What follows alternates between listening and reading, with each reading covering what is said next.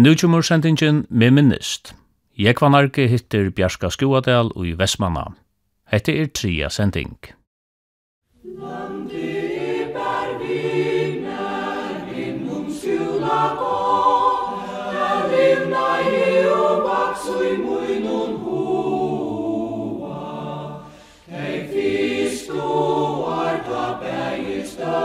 og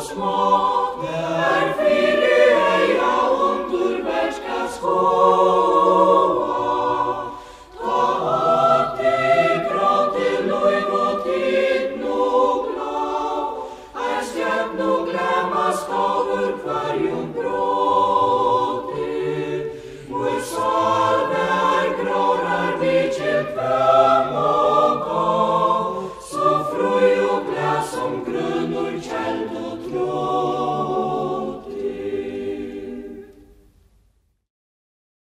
Bjørkje, tid flott i heim i 1904.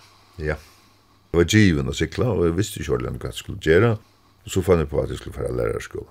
Og så gjør vi det her, Da vi fører i Danmark, og vi um, helt ikke skulle gjøre det på en stortlig en måte, så la vi dere en bil, Fører om båret her fergene som jeg har silt vi, mellom Oslo og København.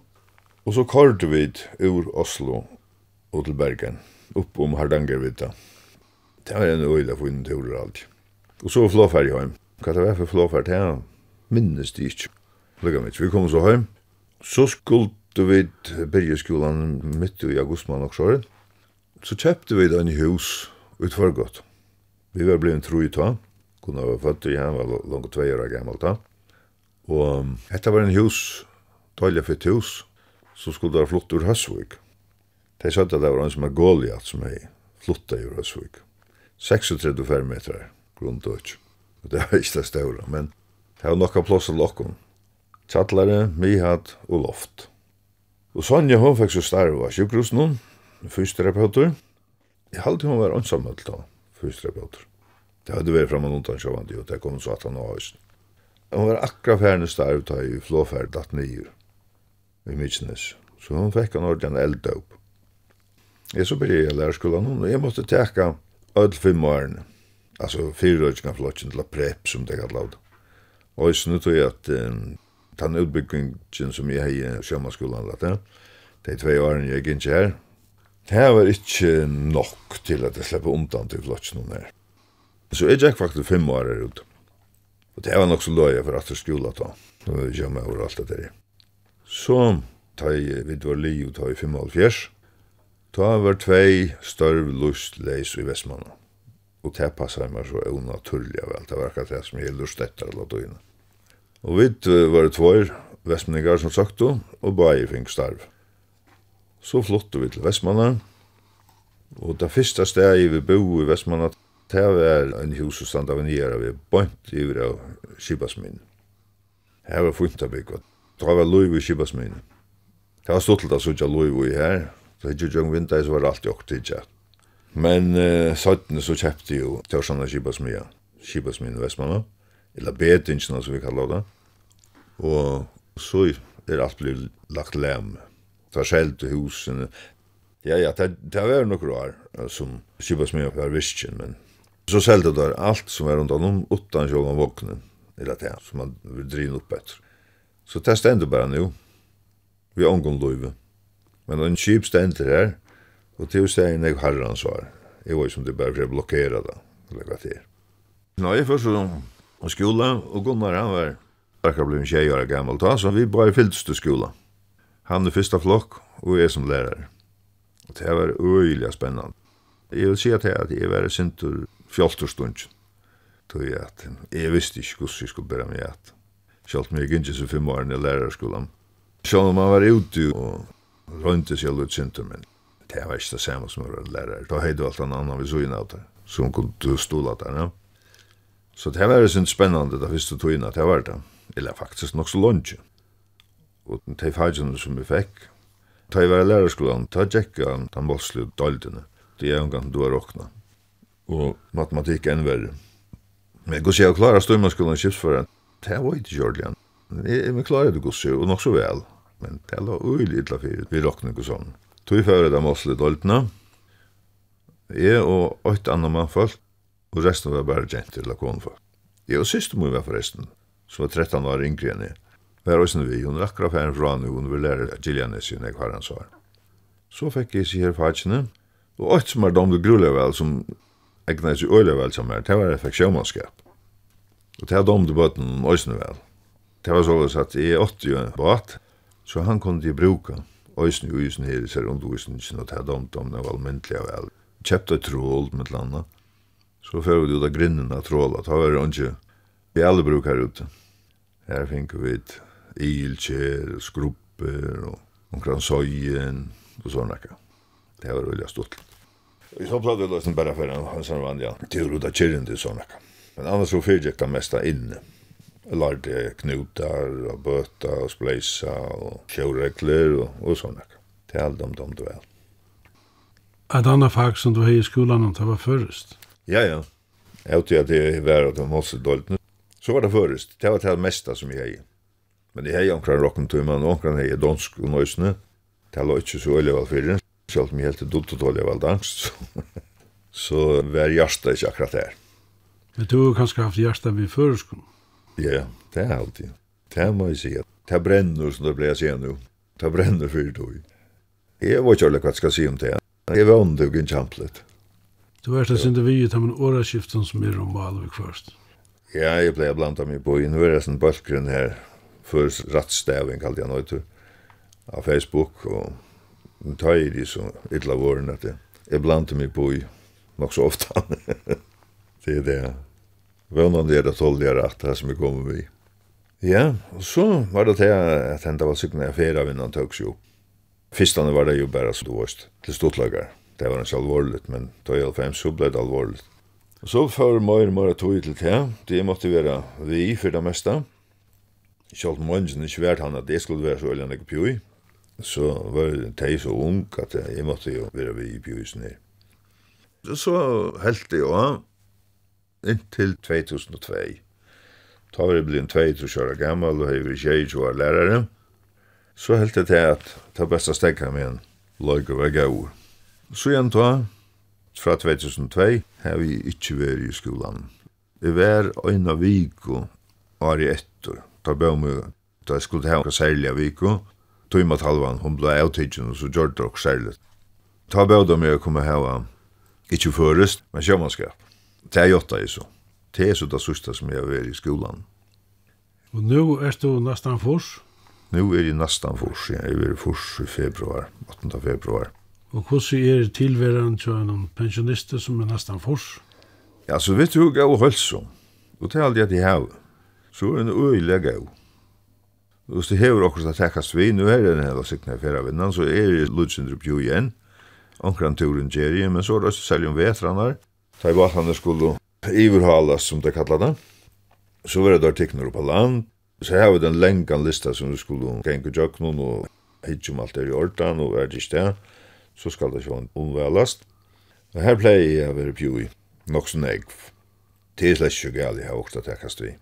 Vi kvarster batan er oppe i Nyrunavujtsene, kvarster Norge Kvalovujk, og åkten er i Vestmanna. Det var alt alt hos støvan er. Og som vi kvart må gjøre til, det er at teka akslar og alt sårt ut, og kan nettur. Og så kommer skipet litt og hyggur om alt det i ordan. Og så får vi denne vottane på det, og bare han er så løs som det skulle være. Og vi har altså två ys. Han første som vi byrja vi, han er lengst anfær nu. Vi døy han enn, men han er grølløyde brukt. Det er nesten som vi åtta mann av verden, og kommer ikke alder ikke. Det er var åttsin om året, tar flåta enn enn halvtid. Det er det. Så åkken er det at jeg har vestren ur bergen og flyger. Ikke grint. Han er omgang til grint. Så det er ekkert glad han vil brukte. Ja, ja. Det krever nesten alle meter. Og så er det disse brikkvannar og sånne kan som skulle etter det just. Og så har vi dette huset her. Her skal løsene imuskjerast. Det er alltid akkurat å takke hånden og ikke Man kommer sjål mot sjålen til øysen. Ja, det var det jeg ætla jeg spyrja deg om. Her er akkurat å gjøre Ja, ja. Her skal malast og omvälast och bröjtast ganska kort. Jag fick nu att köpa lack till vintern. det er sånne ting. Velta lutsintur, epler. Det är inte nekva nu, men alt er syntor. Det er det. Nu er det noen år siden fergelevan vær inni av fjør. Hever det mest Vestmannen nekva? Ja, det kan mestas på tammat at uh, du sørst ikke disse fergene kom og la sikla at du fram at la somlet og innan. Vi kvart var vi nok så arge som hadde batar som lå i brunna. Det er gjort nekva alt og så måste man alltid ha ein etter at hver vær kan ta det leia. Men annars för själva bygden har alltid inte det stått ut nu. Det är flesta som kom vid färgen och färgen. De kom sjöldan långt än akkurat här som färgen la. Det var synd om året till en la ute i Hejanäsen. Men det var nog var att de la en i fjör. Det mest bara till att de var färslet nere vid og han er, som du veist, ekvilja tronkur. Hei, det var nu, til nokka ferslu som er bæra av tui ferslu som er vestmann, onkur fremman for å komme oss til vestmann. Men jeg halte ikke til at til just til at er blei mora sovebygd at nu er fremman undan, det halte ikke. Men sjålan til til er en øylig monor. Ja, vestmann er jo, og da jeg var unger og smadr unger. Bygden er blei så øylig anlegg større, tror jeg var noe større ganske, men løyde mora folk og meginparsten av virksomheten som vi er vi nere ved, det var som høvudskøtan. Det er så å si alt bostur. Nå nevnte jeg Kipasmin i Johanne, hun gav nek virksomhet. Men fiskavirke er så i gang den. Det var ikke stå støyder nu. Fyrk kallar vi det bare fiskavirke. Vest og isett og innafyr. Var ikke akkurat når folk arbeider, så sars og lutt til deg. Det er gongrat vi ikke innan dora. Men nu er det lukka som butt sundru tvei, så man ser trukkar gøyra som rattur fram. Akkurat nu i morgon Nu la jeg farmaskip i Bridgjo. Det er øyelig sjoldan. At det er hentur. Som jeg aldri sier Jan så fyr og kjem fiskeren vi så større treilaren. Men jeg var så er en oppsjåa skipen inne. Selja tvei, og en som heter Catherine Johanna, og et som heter um, Atlantic Voyager. De bare ble over inne. Fram platt jonkna over men nu lengs enn sa han. Så her er virksom i alla tøyna. Men frihet er i Vestmanna, det må man si, i mån til det var fyrir. Bjarki, du vart en særlig ringantur i Newfoundland i 1900 og 1900. At enda atla i er få at det er sia fra tog ferien. Vi seg om Jons Fonstad fyrir, han er for Lutla motor, og så skulle han fyrir til Norra skifta motor. Hetta var så tulljan i januar måned, og så hei ungan chans akkurat hva. Han skulle ikke komme etter fyrir mai juni måned. Og så enda for fyrir enn nattena, ta sørste januar måned, du benkar så avfart oppa dittnar, mitt om nottene. Vi leipa sjån det, og sånt, jeg vet ikke hva heter man være for nekka. Nå sender en uh, unge vestmenninger, Kvar Simonsen, Kvar Jamarstu, som vi kallar han, utan vi hordna, og spyr meg i hoa kom vi en Nordslandstrålare, som er kommet inn av B-folk. Vi tatt nok veri gjestan for i alltid, og kom nå en fyrir jól. Så um, det var en løta gynnsin siden da, og så klær og alt det var klost. Så det ble så avgjørst, så mamma domte jeg vil i et så knappt gjerne for å sted. Men det ble så avgjort at jeg skulle fære. Hette jeg aldri var klokkan 3, og vi fære klokkan fyra, sier sni. Så det var skumta seg, for alt klost, stappa ned i klassetjen, og så ombord. Trollaren, han er et S-fringur. Han er vært nere i Tyskland og selt, kongafisk, og her var fullt av folk som vet ut hei, helt nok da var stolta for en tur til Tysklands. Og nekvar av mannen, kjenne, det hadde òsne konar vi. Så vi fikk gonga gang kodjo da vi kom ombord. Vi måtte husast som best partil. Og en sånn rum som det kallar var settestovan, og framme under bakkanon, og ångstene her. Men ångre utlendinga var så bløyra at det bjør okon kodjina, så vi sluppa litt av en løte vi kvarst. Men det er så stort å sikla i til, det var faskusfyrir i alt, ja, før i her, så det måtte ikke bila. Da vi så kom i år, så var det var folk som ikke skulle vi i land, utgiva tidsen på år, og så fær vi til Newfoundlands. Der det finnes jo så øyelig en kongafisk i Newfoundland, på en Nonta. Så her får av rikva Íslandskontrollaren er stedet ta til Newfoundlands. Íslandingar kallar det Ridebansjen. Jeg har ikke funnet til hva det er, og det er nesten akkurat å ha holdt trus nord og halvtrus vestur. Det er nekka som Sur-England er loj, hvis man tek hes med norrbrøyt. Her er en øyelig fisk. Vi finner kjaffullt trål bøyna vegin. Og kongafiskskapur er sålda sett, du skal stjerne nekka vi fisk, du skal bare få han i lastna. Og her er han så uisavur. Vi lempa han faktisk nir i lastene av kvosl og hva som det kallar for prikkar. Så er det så er kostaskaft, og så har vi en pojtjoi som er sin tilbakter, så du kan så prigge høyta fisken, og så blekka han nir. Så det er ikke øyla kjøtta for fisken nigger, og så er han uisavur. Vi fiska og så ui et samtøver halvtid, og finko holdt an hundra tons. Det var uiliga negv. Men som sagt, det var så kjøtt å få det nye, det skulle jo ikke gjerst vi etter. Og jeg minns at jeg var vakt, og etter en kvöldvakt, hette vi var satt av februar, og så synes jeg at jeg minnes det i måneden, det er tog at jeg fyllte 8. februar, og jeg fikk telegram og alt det der.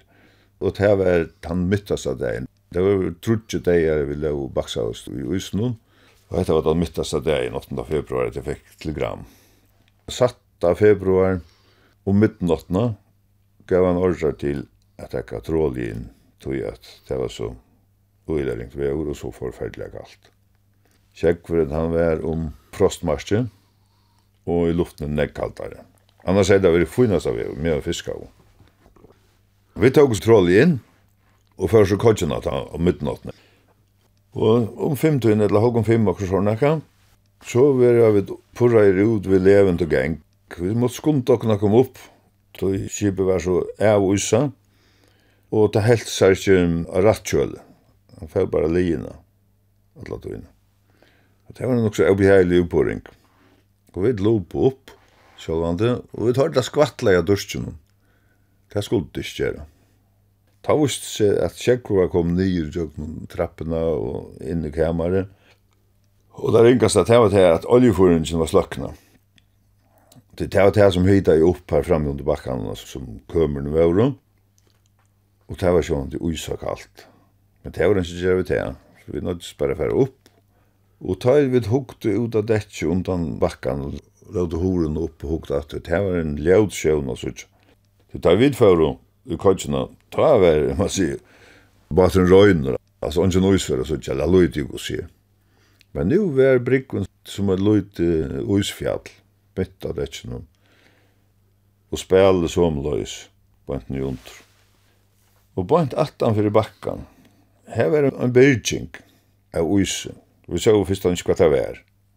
Det som er gjørst her, at Kjeggur som kom atter av bakkan, han fyrir nir ui endan hilen og så inn under horna og inn jagn og horna var ikkje det var bare en stalplata så hon var ikkje så grulig an tøtt.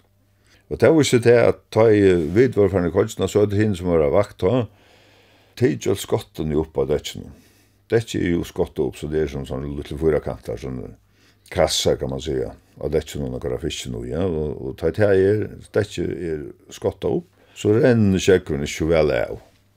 Så tar jeg til tidgjøl skotten opp og blekka det frem mot bakka nå. Og det var så frist til sier skotten til en sånn byrging på en tattan fyrir her. Og det var en ljødsjån å komme og sutja til. Og oppi av brunnen, bryggen sjån alt frist til, så ut som en uisklumpur. Men mitt og jødlens ned, her var så lyd for å kan ta svarst hål. Og det var en, den midtaste ruteren. Tar du til at uh, langa ut uh, jambrott ut i jøknum, ruten, Det tar seg inte. Det tar seg inte att styra. Så dette hålet var altså en ruter som var brått. For jeg kunne suttje ut og styre oppe med ute, så måtte det heve det her. Jeg hittet ut i jokken. Og jeg fikk så sikkert akkurat etat, og fikk så ordre for å benke ois. Røyna brauta oisen på strea av. Vi fikk så et eller annet av halsen, som min bror har sagt. I håndene jeg bruker, det kunne være melsbyggarar, det kunne være spannarar, det kunne være kanskje et jambrot, onker randøks var røysen i bor, onker sledja og alt mulig sånn ekk. Og jeg halte til at maskinmennene kappa og sånn rørsumter passa li til langt og en meter ganske loksjort, som vi døysen finka boka vi. Og det gjør vi så, da var vi kom inn i kjenta februar. Og alt som kom inn, det friste nesten bøyna vei. Til dømes, um, En vajrer som var så tjukk som en tommelfinger laksåret, han ble nästan 20 cm tjukk. Så det gjør det til at skipet det tenkte så eller nek. Men på en måte var vi heppner, tog at vi hadde bare 100 tons og skipet tog nokon gav 300 tons aldrig, så vi var sånn holdast der. Og det gjør det til at han var ikke så rævlig tungur. Men han tenktes øyla kjøtt av edelnøysen. Man rundt så a benka av öllum tusen til ums mastrene og vantunon og stakunon og alt det her, men du kunne ikke klikka opp, det er bare ikke til. Du kunne bare boka her nere som du rakst. Og det gjør det det at jo hakre vekten er som du verre gjerda for støvfest i kipen, det blir renkare og renkare. Og vi benka av alle mulige stedene, brunnet til dømes, vi slupp ikke nir et syn av brunnet. Og på tætjen, gelendaren der, og rekkverk og alt det, på tætjen, og trebata dætjen, boka vi som som vi konto. Og at trebata dætjen, her la en stor rudla, eller kveiler av trollveirer, til tjukkveirer. Og vi er i øyland nek Ta fink vi så på om man går ut. Vi gjør det på den måten vi drev endan av verden, at du gjør noe kluss som var holdt at hekkene, at reivene i baten. Så måtte vi dreja börja vi. Men så ländan så ble det så tungt utanför att det för renna kjolt. Och det är vi som unge vi ta. Det var öjliga spännande. Jag såg att han var Men han får vi tog kollande för att rättur. Norsta rökjes då på stora rättra hekkene. Och det gör sånn inte att han latna i sin tur. Jag rättade. Och så för tyngdepunkten jag kan nye. Och Pia Keisen, den är så högt upp från det. Och så är det som vi også måste gjøre alltså ojsen som var i lasten. Alltså han ojsen som var brukt i att ojsa fisken vi ner lasten. Han lå inte nere i botten av lasten. Han lå uppe i sån hidlon som han hade skottat upp in i kroppen. Så det att det skulle vara lättare att lämpa ojsen ner i stedet för att lämpa upp efter så kommer man lämpa ner efter det. Det låter sin dropp efter att ta i fisken kommer nog slängt upp. Och det måste så fas ner i botten för att få tänkt på det längre ner. Men man kunde inte färra ner i lugnar. Det tar så lätt luknar upp. Det gick så inte snack checkor att det inte det tar det. Men du kunde släppa ner lasten ur maskinrummen och jökna så trångt skåt som var här. Och så valde då några unga kläna män affära och jökna det skåtet. Jeg ble så øyne av tøymen. jeg var lengre og klæner da. ikke som nå. Og tvær er en annen vestmenninger, kallet Trykve, Tryggve Dorus, som bor i Skagen nå, og en Øslandingur. Og vi fører så nyer, og vi lempa og vi tog kåland for. Han var begynt å letja seg over. Han la av liene, var æra liene. han vekk en skvamp hinn med fra, så blekka han seg ivra til hinn med Så det var det som drev hon alt av veren i undre. Sjalt om sjånd, Fauran så fær ut at det lukka vel, men det var synder og beheilt, det var stångt inn i lasten her. Så vi lempa av, av kraft for jeg flallet med men Det var noe som nekker uise, vet. Vi skulle uise av flere hundra tons av fiske, så det var nekker uise, det var lonja lempa, vi var trutje manns da. Og med vi var her, nu har jeg vet nekker forferdelig bultur på noen. Da hadde der funnet på det. Det var en vestmenn som kallas Fritz. Fritz Johansen, Fritz Tofton som vi kallar han. Jeg funnet på det at jeg sett en stropp rundt om masterna en vajstropp. Så stadjene og vantene og alt det her. Jeg skreia ui av. Du rakst jo ikke av benka langt opp enn visst, men så kunne du bruka gilsen til det som man teker påsan inn, den drøkren som man teker påsan inn vi, som fiskeren roi. Skreia etter lest. Så hadde vi en sånn etterstjøra, for jeg kunne ta det nira til det var kom opp. Og det var disse her større utstikkene som det skratt og av mastrene som gav seg og øyelig bultrene. Men åren da kunne du gjøre det, så måtte du benka spelelest. Det spelet det var alt en større usklumpur. Så det gikk nok som jeg tog vi at boka spelelest. Og da hette så vel lest, så etnest det å få dampen inn. Det var dampspel, å få til i jøkken. Så man fikk spel i gongt. Han leie seg øyla lengt og kvart. Nu var vi i lasten som vi så ikke akkurat alt det her. Men øyne finner fortalte Evald for meg, Evald Haltansen, øyne av dem, Evald Jaluti og kallar vi den, at uh, han skulle fære opp av keisene, akkurat har han leiset. De måtte bare rymma fra spelen og døgn finner. Og ta Jack han opp i jøkken leitaren utan å halda seg roi. Han fjør ikke halda seg. Så nek la han det var nesten man genga nesten etter bøyne. Han la så mykje nek, at han kunne genga utan å halte i gelendaren, annars stod leitaren og opp på nye i keisen, ikke noe? Så han er ferdig øyelig alene. Men jeg tror ikke det ganske.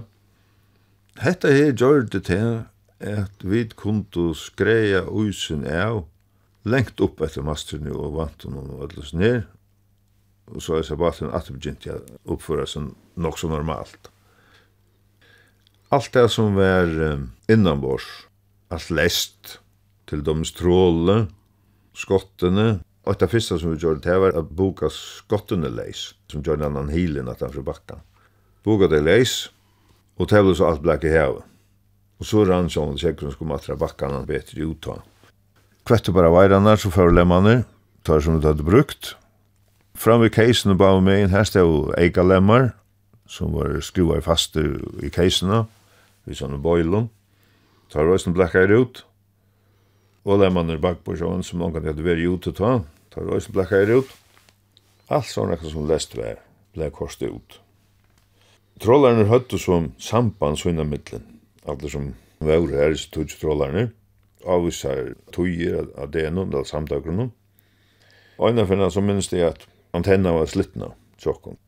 Det er avvisar i sjåan djøysni, og hun er bare en klæne travor. Han ble øylig av tjokkur. Det er slittna i nyr og innan fyr, og Så kom uh, fjärriddaren at det bara att det her som jeg akkurat vært av, og nekker några där. På jeg kan hjälpa på för fätro i antennene.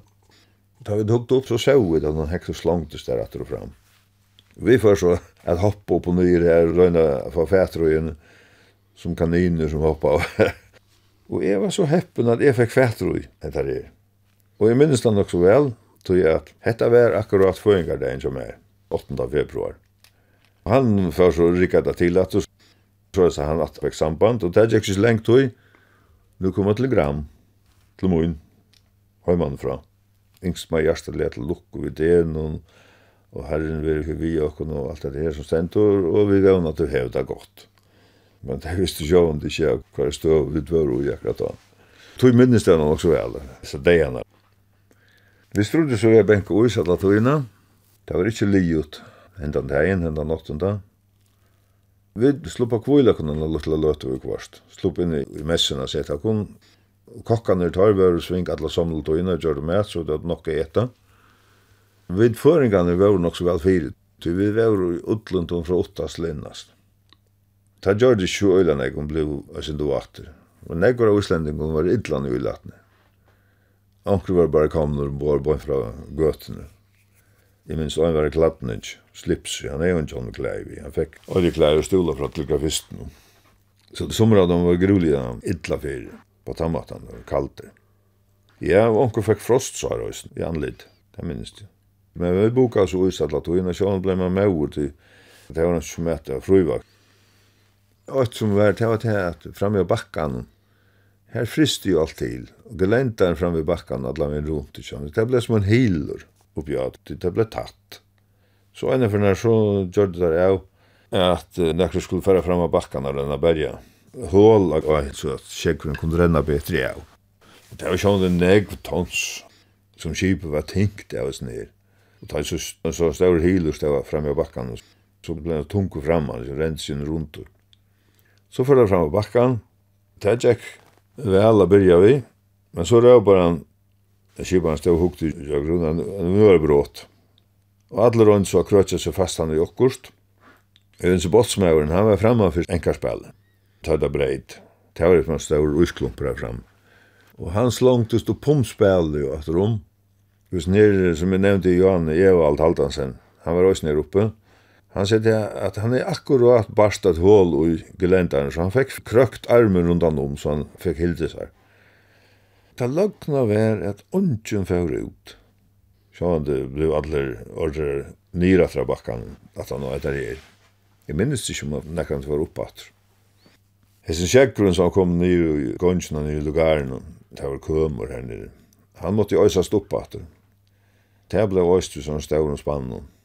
Han måtte bæra der oppe i jøkken leitaren, det var nyr i botten av kipen nærmest.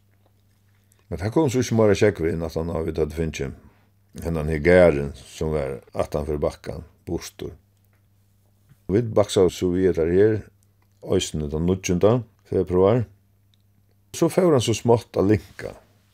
Vinter i minka i, så kom vi hun ikke vinna kibis av han Vi måtte ligge på i. og at den var utneringer alltid. Men så tar det linka i sin tur, så tog han undan. Og det er etnaist. Så får vi da sikla spekla igjen i undan, vekkerne, Nu kom det inn i nudgjenda. Ta blei det lysen til ludgjare. Så ta frist ikke så veldig nek, ta så hadde silt undan og sinter. Ut mot midten til herre loj, ta nudgjenda, ta var det så mykje fratt av, vi kunne fara sikla. Så fyrir vi til sikla møte, Reykjavik, kom sinna Reykjavik. Det er nok så langt å sikla, han er enn fem dagar alltid, fem-seks dagar å sikla. Så vi finner kvult okkur vel og viljan, som okkur, og vi kom inn i Reykjavik, men ta sa kibel jott ut. Alt var skrattl om han er. Ongen utgjøy eller nekka som helst ombord. Så vi var så nok leidjande jeg sin tur og fink vi nudja utgjøy ombord. Og så fyrir vi da fiska rundt om Osland. Så vi fyrir han gærastan etna til. Så vi fiska rundt om Osland. Ta i vi kom inn i mai måned, ta fyrir vi da spekulere på fyrir høymater. Fyrir min part så skulle motoren være kommet ui hans fondstall og så skulle man hans etter man kom til til å fære første turen til Grønlands. Sommer skulle til Grønlands og regve ut, og, og så framveis. Vi tar det ikke for å utvide til den sørste turen. Du var bengene for å være fra Søgner til ferien og hjemmater. Så vi fører sjømannstovene, som det kallet det. Før skulle sjømannstovene i Reykjavik. Det var ikke noe hotell eller et eller noe. Det var bare et sted som til sjømann kunne fære inn, og hun og sær sammen og sånn noe. Og her var det tvei folk som stod og tog De gjaldt bare å ta ofte. De minns ikke hva det gitt. Det passer litt meinar, Einar, med åren, det halte det. Og de var som en blod, at jeg lov av okkur a lidja her om notten og øsene. De er nætterna som skulle være. Vi halte bestemt at vi var ute med åkken vi og i Reshavik og armen slå på heim. Men vi var her, nu for influensan, la brønkrumma genga, så et land i Island. Så her var nekk skip som ikke slipper ut. Vi vet at det så ikke finnes det, vet her. Så kom en kipare i Grindavik og bæ folk. Så vi var en 34 som fører vi og noen til Grindavik her, og fiska vi gøtt noen netabater, som det kallet det. Det var ikke det mer enn 14 år i Oxford. Dette var nok så spennende fiske på, men unaturlige strev. Vi svev og bæra med og silte ut og inn. Og det var så stort. Det var ikke mer enn 30 timer kan skal sikla ut eller inn. Men det er kipan svev, det var ikke. det sa han alt da vi var oppe. Vi fikk øyla nekva fisk, stauran tosk, surans tosk. Det er sjelosbankane som er utfyrir her, jeg halte det. Når Vi i hessen baten og væru vidt så, jeg trodde jeg det her og sånn, jeg fyra det her ganske. Så atler ikke vi gav, ta vær klosta fær høy. Og vi fær høy vi en kip som kallar Esjan. Det var et strandfæra kip, det var kjølja størst. Jeg var ikke hvordan jeg folk, det var atla til, Men det har vært nekker hundra føringar vi, så vi hadde ikke henne kodjo det var verre enn så. Jeg hadde jo vært trutjer som skiftes om henne kodjo. Og så jeg hadde onga kodjo, til jeg var madrassen nye banjarne og lasten. Så her var ordentlig ballfallere ombord.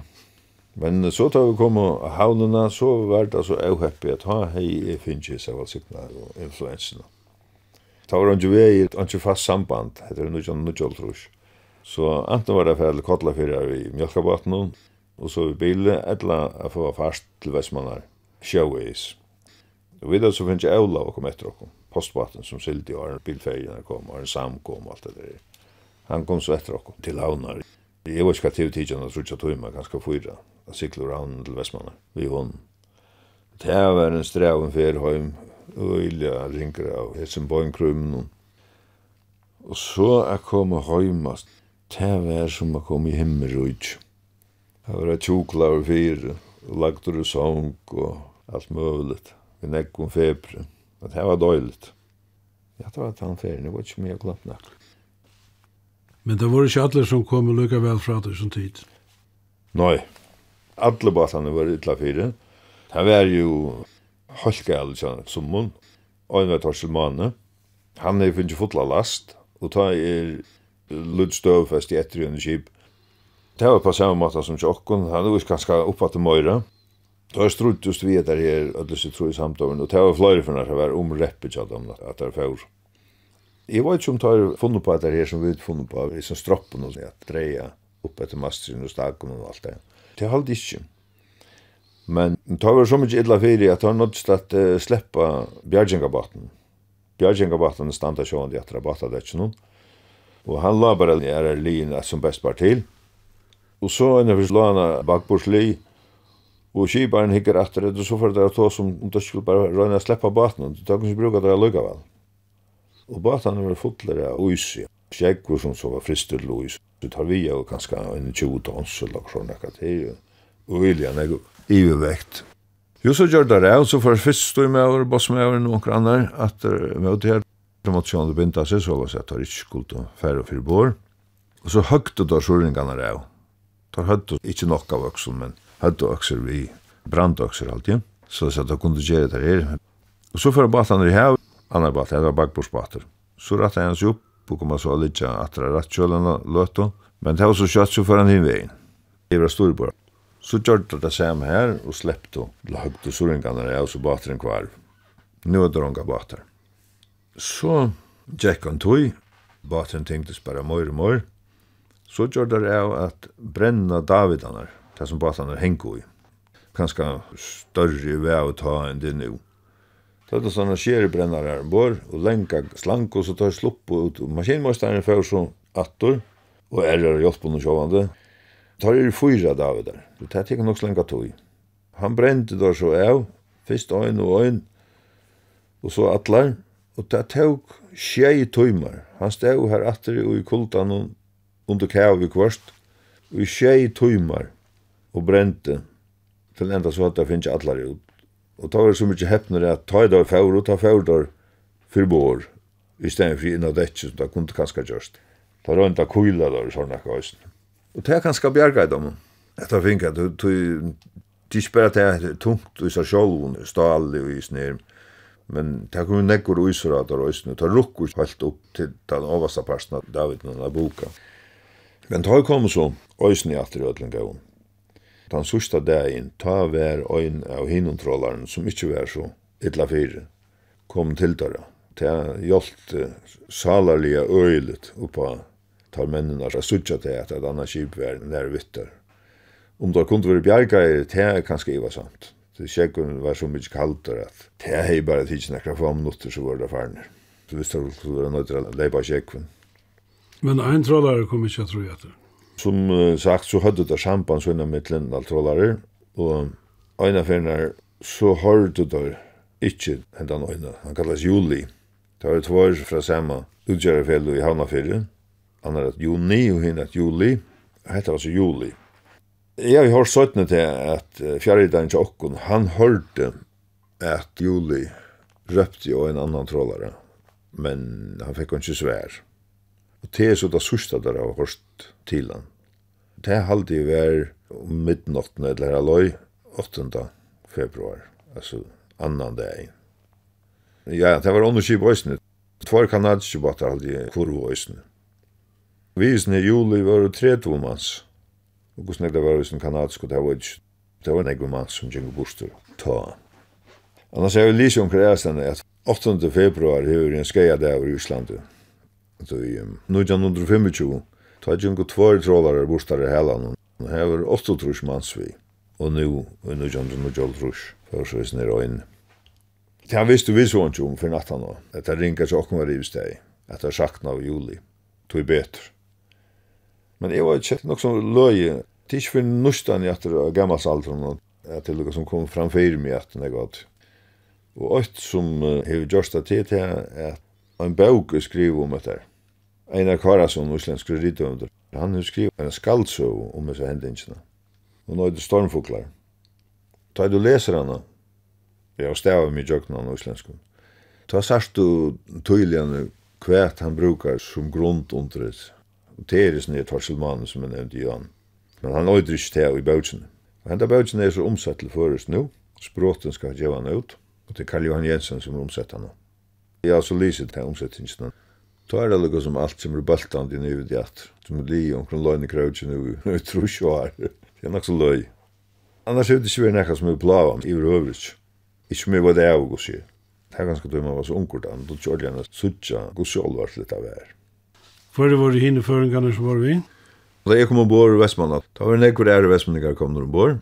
Den eldste, det var Paul Skarsbergje, Paul Johansen, Edvin Tofton, Edvin Olsen, Fritz Johansen, Fritz Tofton også, og Gunnar Petersen, Gunnar Astrid, som vi kallar hon, og Tryggve Dorhus, Tryggve Kjevin Kjatorit, og jeg, og Evald Haldansen, og Kar Simonsen, Kar Jamarst, kallar vi den.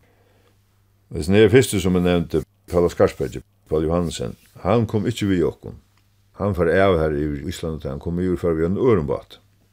Og så var det tvøyr ur havn, Paul Anker at øyn, og Liv Kragesten, og øyn var av Kvidanese, kallas Åke, Nybo, og så var det tvøyr av Tofton, øyn kallas Palle, i min kjettnavne, og øyn Meinar, minst heldig kjettnavne i hånden. Det var føringene som var vi.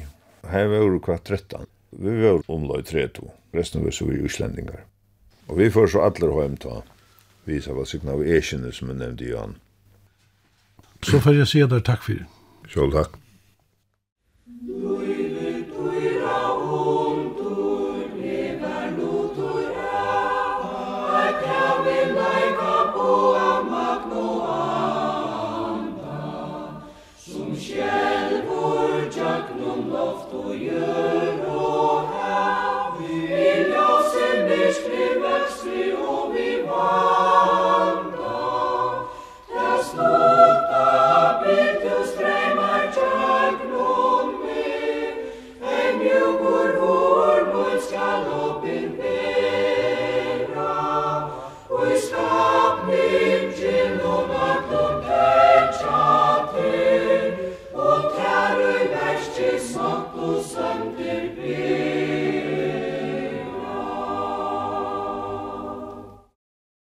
Hatta var sendingen med minnist.